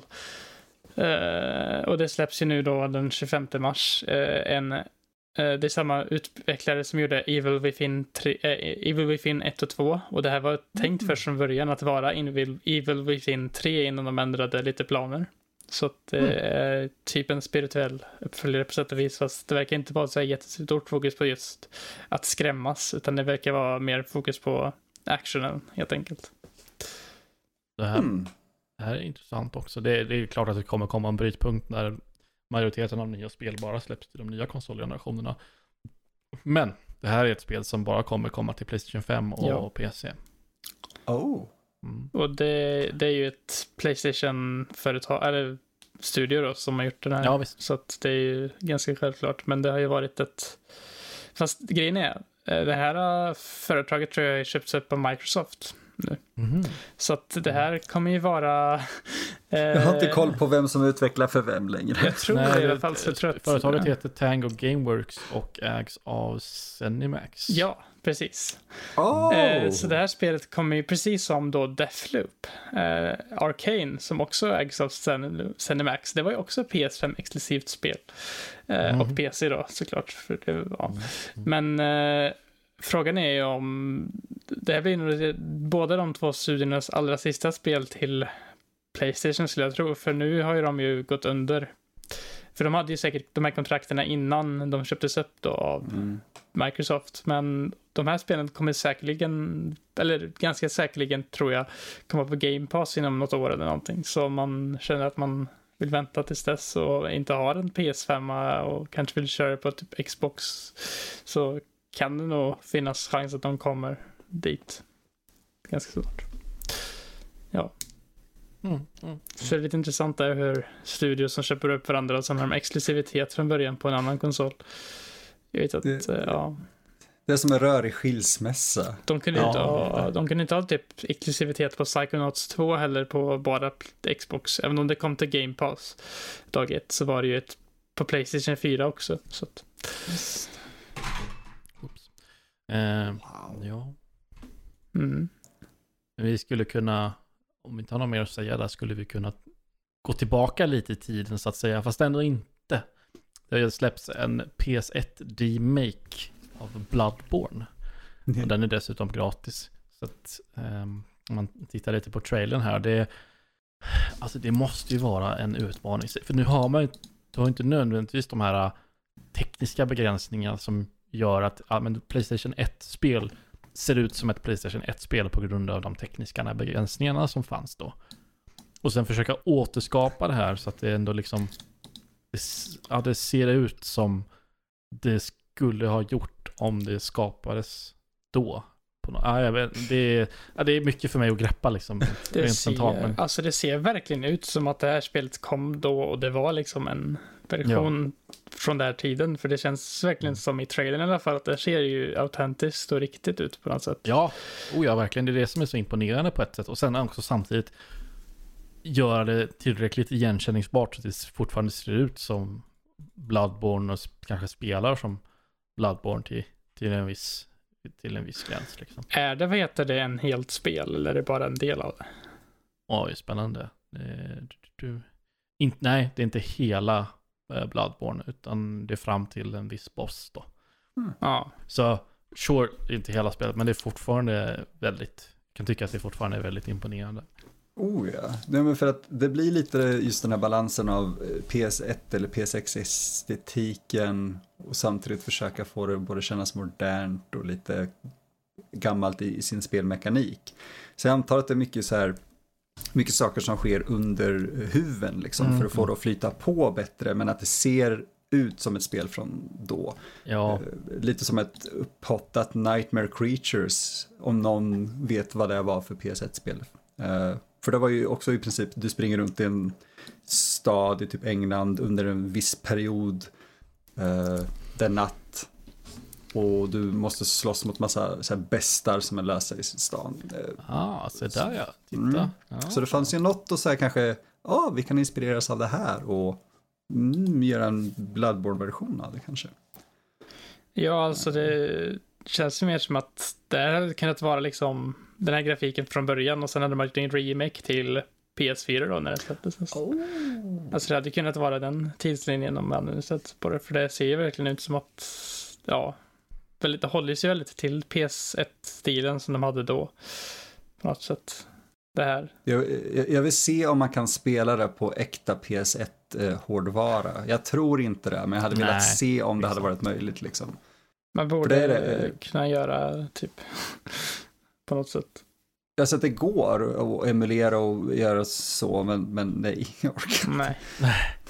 Eh, Men, Du alltså det, inte, ja, det är ju bara en person som har gjort det här som en hobb, ett hobbyprojekt liksom. Så att det Ja. ska inte behöva, ja, det, jag tycker det är, ett- det är ett tillräckligt stort, stor liksom framgång att, att de lyckats, eller personen i fråga lyckats göra det här, tveklöst.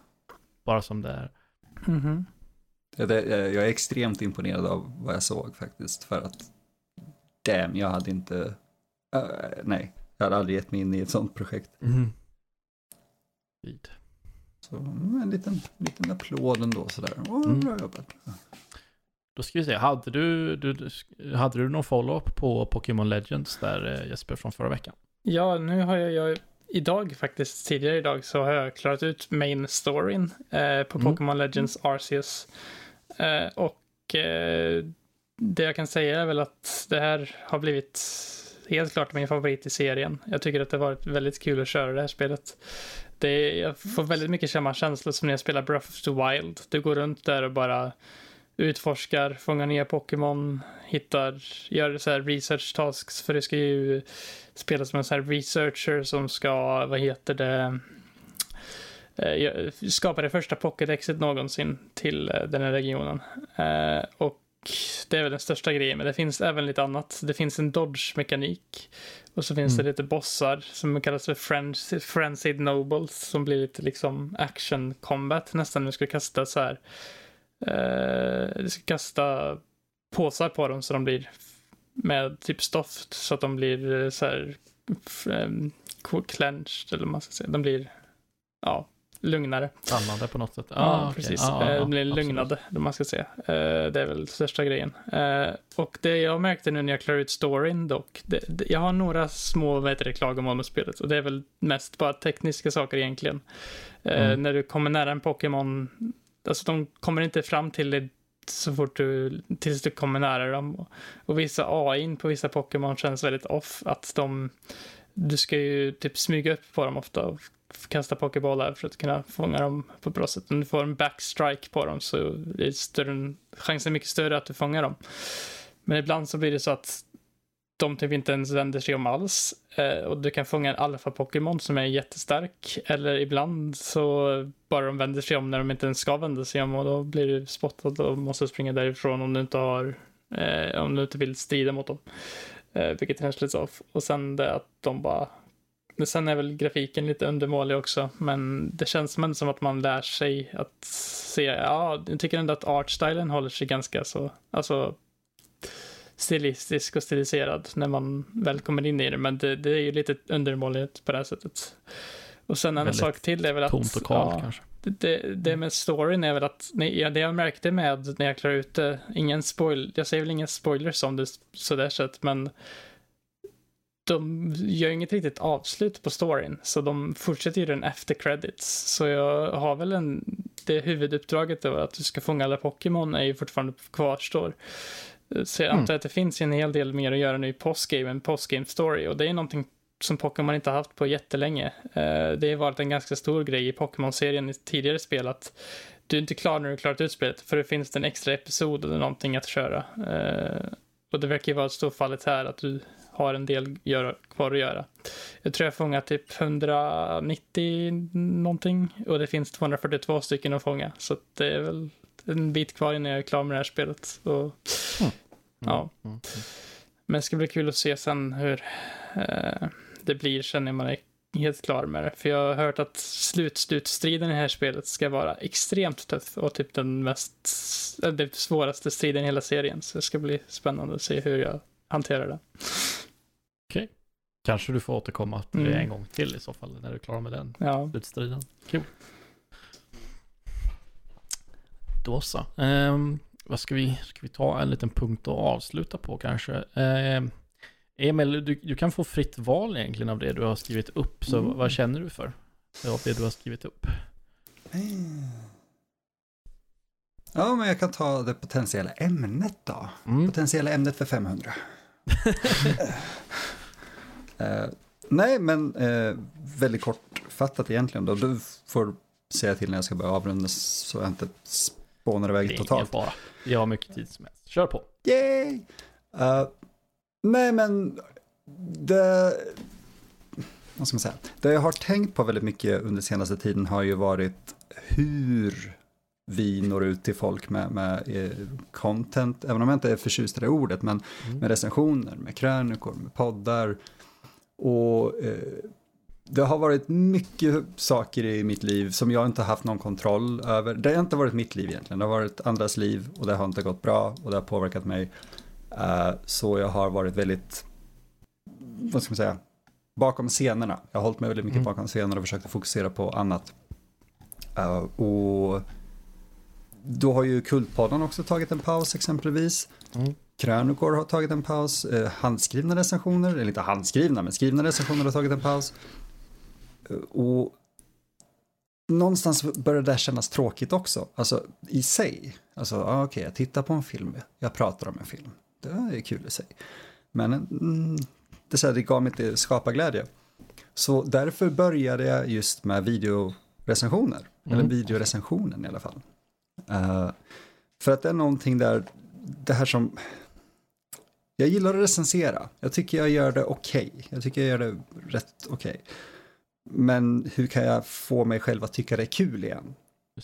För jag känner att det är väldigt viktigt för mig att tycka att det jag gör är kul, för annars kommer det märka att eh, det kommer märkas för den som läser att det inte är kul för mig. Och det är det värsta som finns, att läsa en text eller någonting som man märker att okej, okay, den som skrev det här tyckte inte att det var kul. Gör det väldigt motvilligt. Ja, ja men exakt. Och när det är framtvingat och sådär så, så lägg ner liksom på en gång. Jag tror Bobcat Goldthwait, och jag tror jag sagt det här hundra gånger på den här podden faktiskt, uh, en skådis och komiker, han sa det, quit and quit often. Mm. Mm. För att inte, liksom, är du inte lycklig, sluta. Uh, och jag tycker om det tankesättet. Men det är så mycket saker jag tycker om som jag blir väldigt utbränd på. Mm. Och, eh, och väldigt uttråkad av. Och just nu när så mycket andra saker pågår så blir det lite den här, en krönika eller skriven recension eller en podd om en film är så extremt oviktigt. Känner jag. Liksom, det, det, det, blir verkligen så. Och det, det beror bara på vad som pågår hos mig. Jag tycker att det är fantastiskt att ha för att underhålla andra och kunna göra de här grejerna för att distrahera andra kanske. Eller... Ja, dela med sig om vad du tycker om också. Mm. Ja, ja, precis. Vissa har ju hört av sig och varit så här, Kultpodden är typ det bästa på morgonen när man åker till jobbet. Okej, okay, det är perfekt, jag är mm. jätteglad att någon använder det så. Och jag måste hitta tillbaka till den glädjen lite när jag gör någonting. Och av någon anledning så fann jag det i att gräva mig så djupt jag kunde i hur ska jag göra en kanske överambitiös videorecension mm. helt på egen hand. Uh, jag är supernöjd med vad ska man säga, de tekniska aspekterna av den.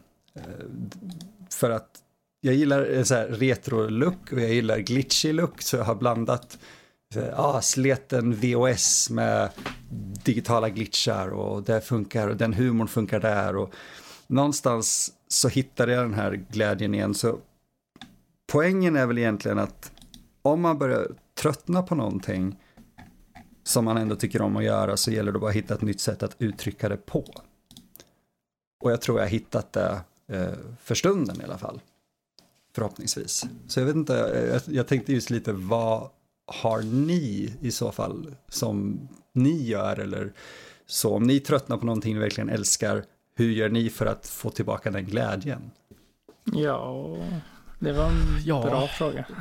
Uppenbara svaret är väl kanske att ta en paus. Från ja, det, det är väl det. Det är lite det som jag tänker, man undrar lite på om man tar Tarkov som exempel. Då. Jag har spelat det ganska mycket, liksom. jag har väl klockat in 12-1300 timmar i det spelet nu. Men om man jämför det med, med liksom någon, en Twitch-streamer som livnär sig på att streama och spelar liksom dag ut och dag in. Jag undrar verkligen hur man hittar den motivationen att spela det dag ut och dag in. För vissa man har sin community, det är folk som är glada att se en, man kanske spelar med en kompis och sånt där. Men alltså jag, jag klarar bara av att spela det en viss period liksom. Kanske rätt så intensivt men ändå en viss period och inte, inte som ett heltidsjobb med flera timmar varje dag. Tröttnar jag för en dag så känner jag bara, nej då lägger jag undan det så kommer vi tillbaka till det imorgon. Liksom. Det är det jag tycker med Så- typ multiplayer-spel överlag som är så där att jag skulle aldrig klara att spela något spel, bara ett Mm. spel liksom. Nej, För då hade jag blivit jätteuttråkad tror jag. För det det, känns som finns att, ju såklart. Ja, fortsätt. Jesper. Ja, det känns som att det är verkligen... Eh, jag vill ha variation i typ det man gör. Eh, det Mm. gäller sånt. Så det, ja. det finns ett undantag dock som jag, tyck, som jag märkt av det senaste året. Det är Final Fantasy 14 som jag började spela. Det känns som att det finns så mycket content där som jag fortfarande inte har utforskat och så. Eh, Även om Just jag just nu inte kör det jättemycket längre, tar lite mer av en paus från det för att jag är klar med storyn och gjort en del grejer. Så jag, jag har ju kört en del timmar från förra året och så, så nu känner jag att jag behöver ta en liten paus från det också. Men eh, det, det känns som att överlag så känner jag att jag är ute efter nya upplevelser eh, ganska ofta. Och då brukar inte jag fastna i någonting, eh, en sak allt för länge. I alla fall, ja.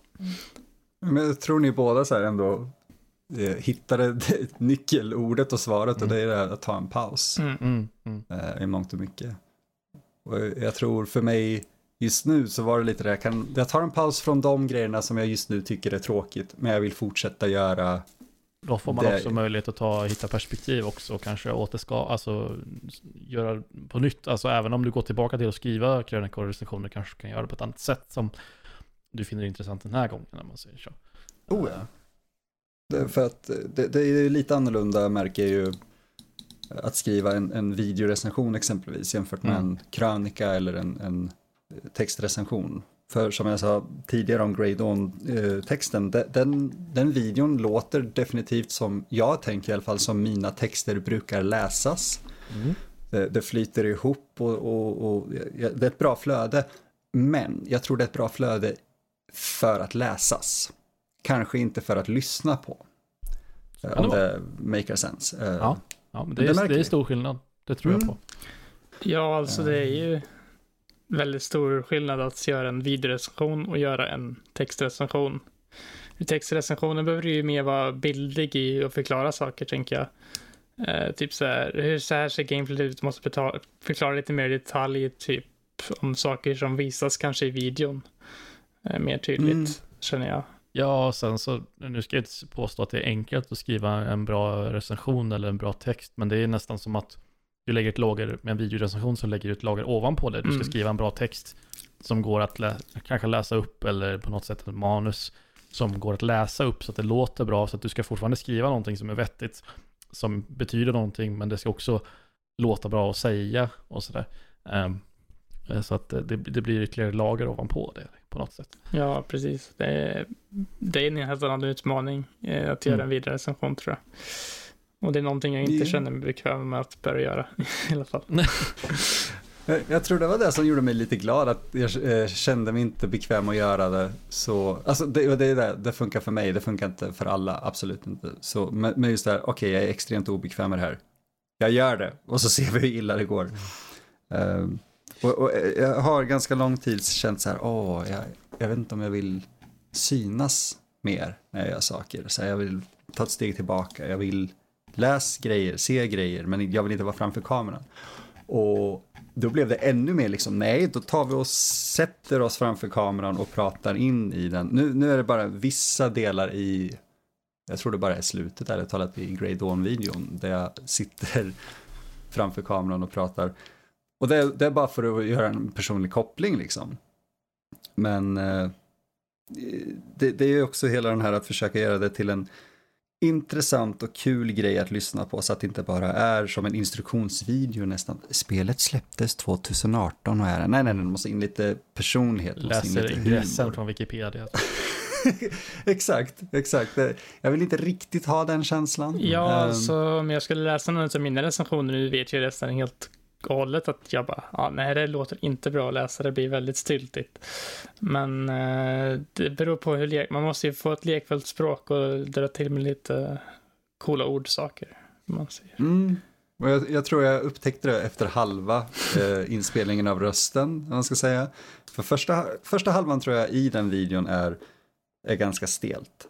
Men, men eh, jag känner väl mig mer lekfull. Och samtidigt, jag jobbar med en väldigt begränsad energinivå. Så Mm. eh, jag, jag kände inte riktigt för att lägga energi på, det, det var okej nog. att använda och sen ta med sig till nästa gång att okej, okay, jag måste vara mer lekfull, jag behöver inte läsa ordagrant, jag måste ja, slänga in lite talspråk i det helt enkelt, tal, eh, tal helt enkelt. Mm. Eh, så jag tror, jag, jag, tror det här är ett intressant experiment som jag kommer fortsätta med, men eh, min stora eh, utmaning är att korta ner allt jag gör så att det inte blir 20 minuter av min röst som monotont maler på utan att jag lyckas få in skämt och grejer. För det, man vill, jag vill skämta till det och så, men jag vill inte att det ska vara extremt långdraget. Liksom. Det beror ju såklart på vilket sorts spel du recenserar, tänker jag också. För att tänker ifall det är ett seriöst skräckspel, eller vad man ska säga, så kanske skämt inte så jättelämpligt, men om det är mer typ Olly Olly World eller någonting så eh, kan man nog dra till med lite mer. Det där är superintressant. Jag, jag ska inte gå djupare in på det för ja. det kommer bli en lång diskussion, men exakt det du säger där är en sak som jag har i ett potentiellt manus, mm. där det blev lite frågan om, okej, okay, det här spelet behandlar en tragisk, liksom en tragedi Eh, som hände på riktigt. Men ja. det är ett spel som gör det här. Och hur många andra världskrigets situationer har vi inte sett som har lite vattnat ur och mjölkat ur det. Uh, och jag känner, man ska inte skämta om tragedin i sig kanske så mycket som mediet som representerar och adapterar det. Mm. Uh, fortfarande en svår balans. Och jag hade samma problem med Grey Dawn. Uh, men det, det, det, är en bra poäng. Man får tänka efter lite. Vad, hur representeras något och ska man skämta om det eller inte? Ja. Ja, och sen så till vilken grad ska man ta sig själv på, på allvar också. Vi kan ju sitta och vara exakt super gravallvarliga, men det är också lite med spel, med deras egna berättelser, hur stor allvar tar de sig själva, när blir det, när övergår det från allvar till, till nästan någon form av komedi.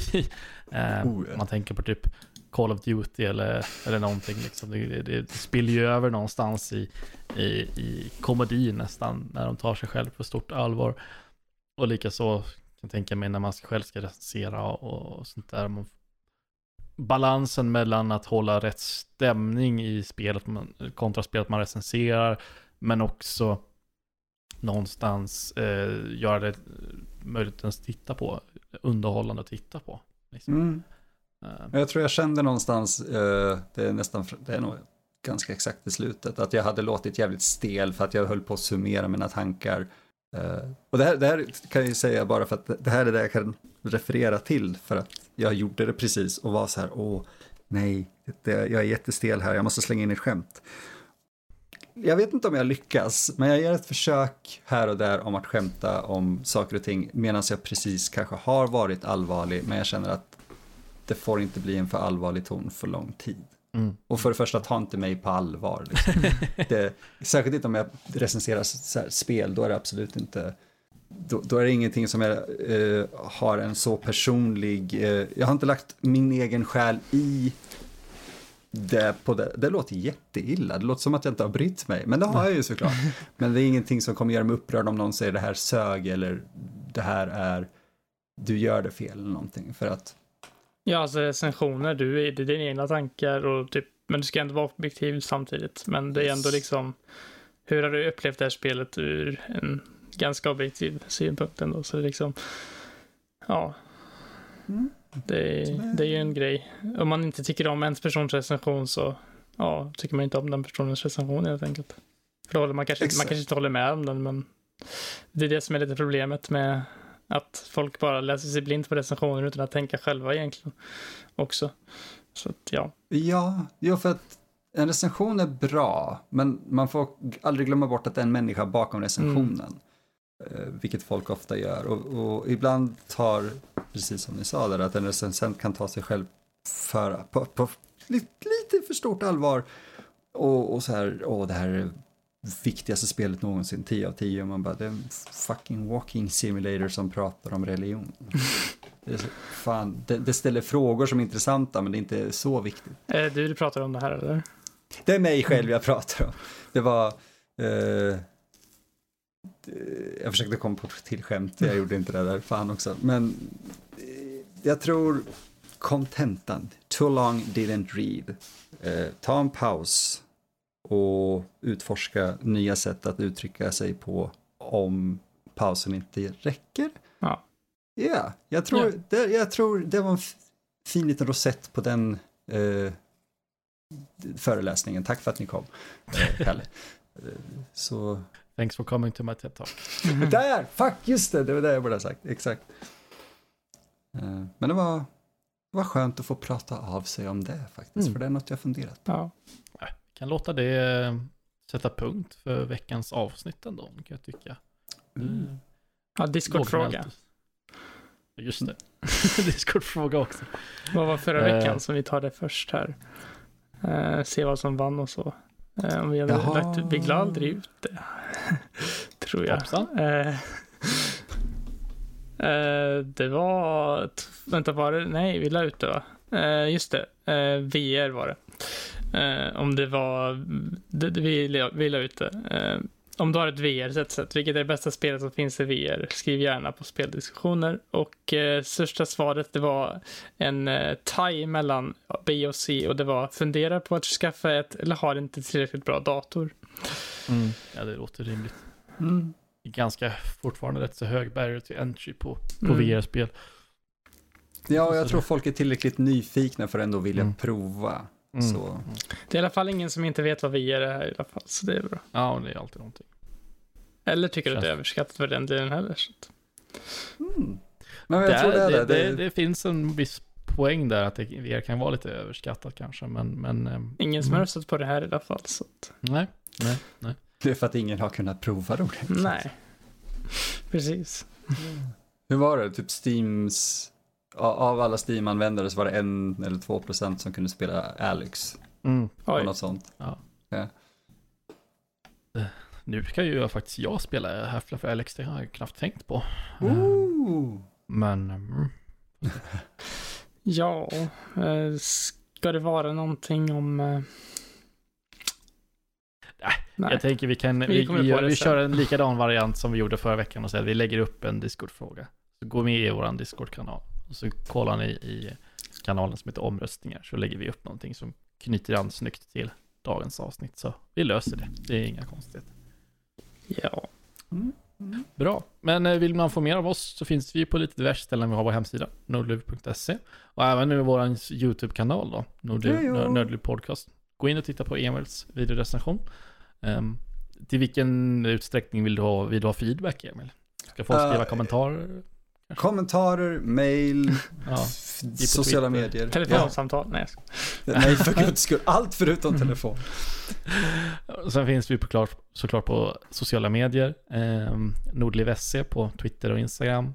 Vår hemsida så har vi ju våra recensioner, krönikor, artiklar.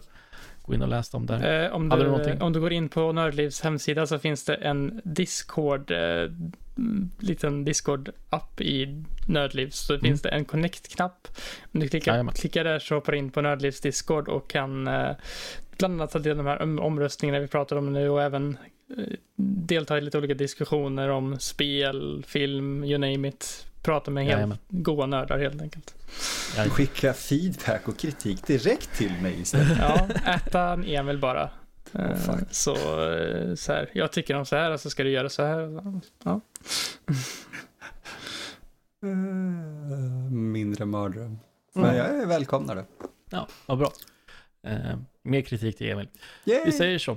Tackar så mycket för att ni har lyssnat där ute. På återseende. Ha det bäst. Hej då! Hej då!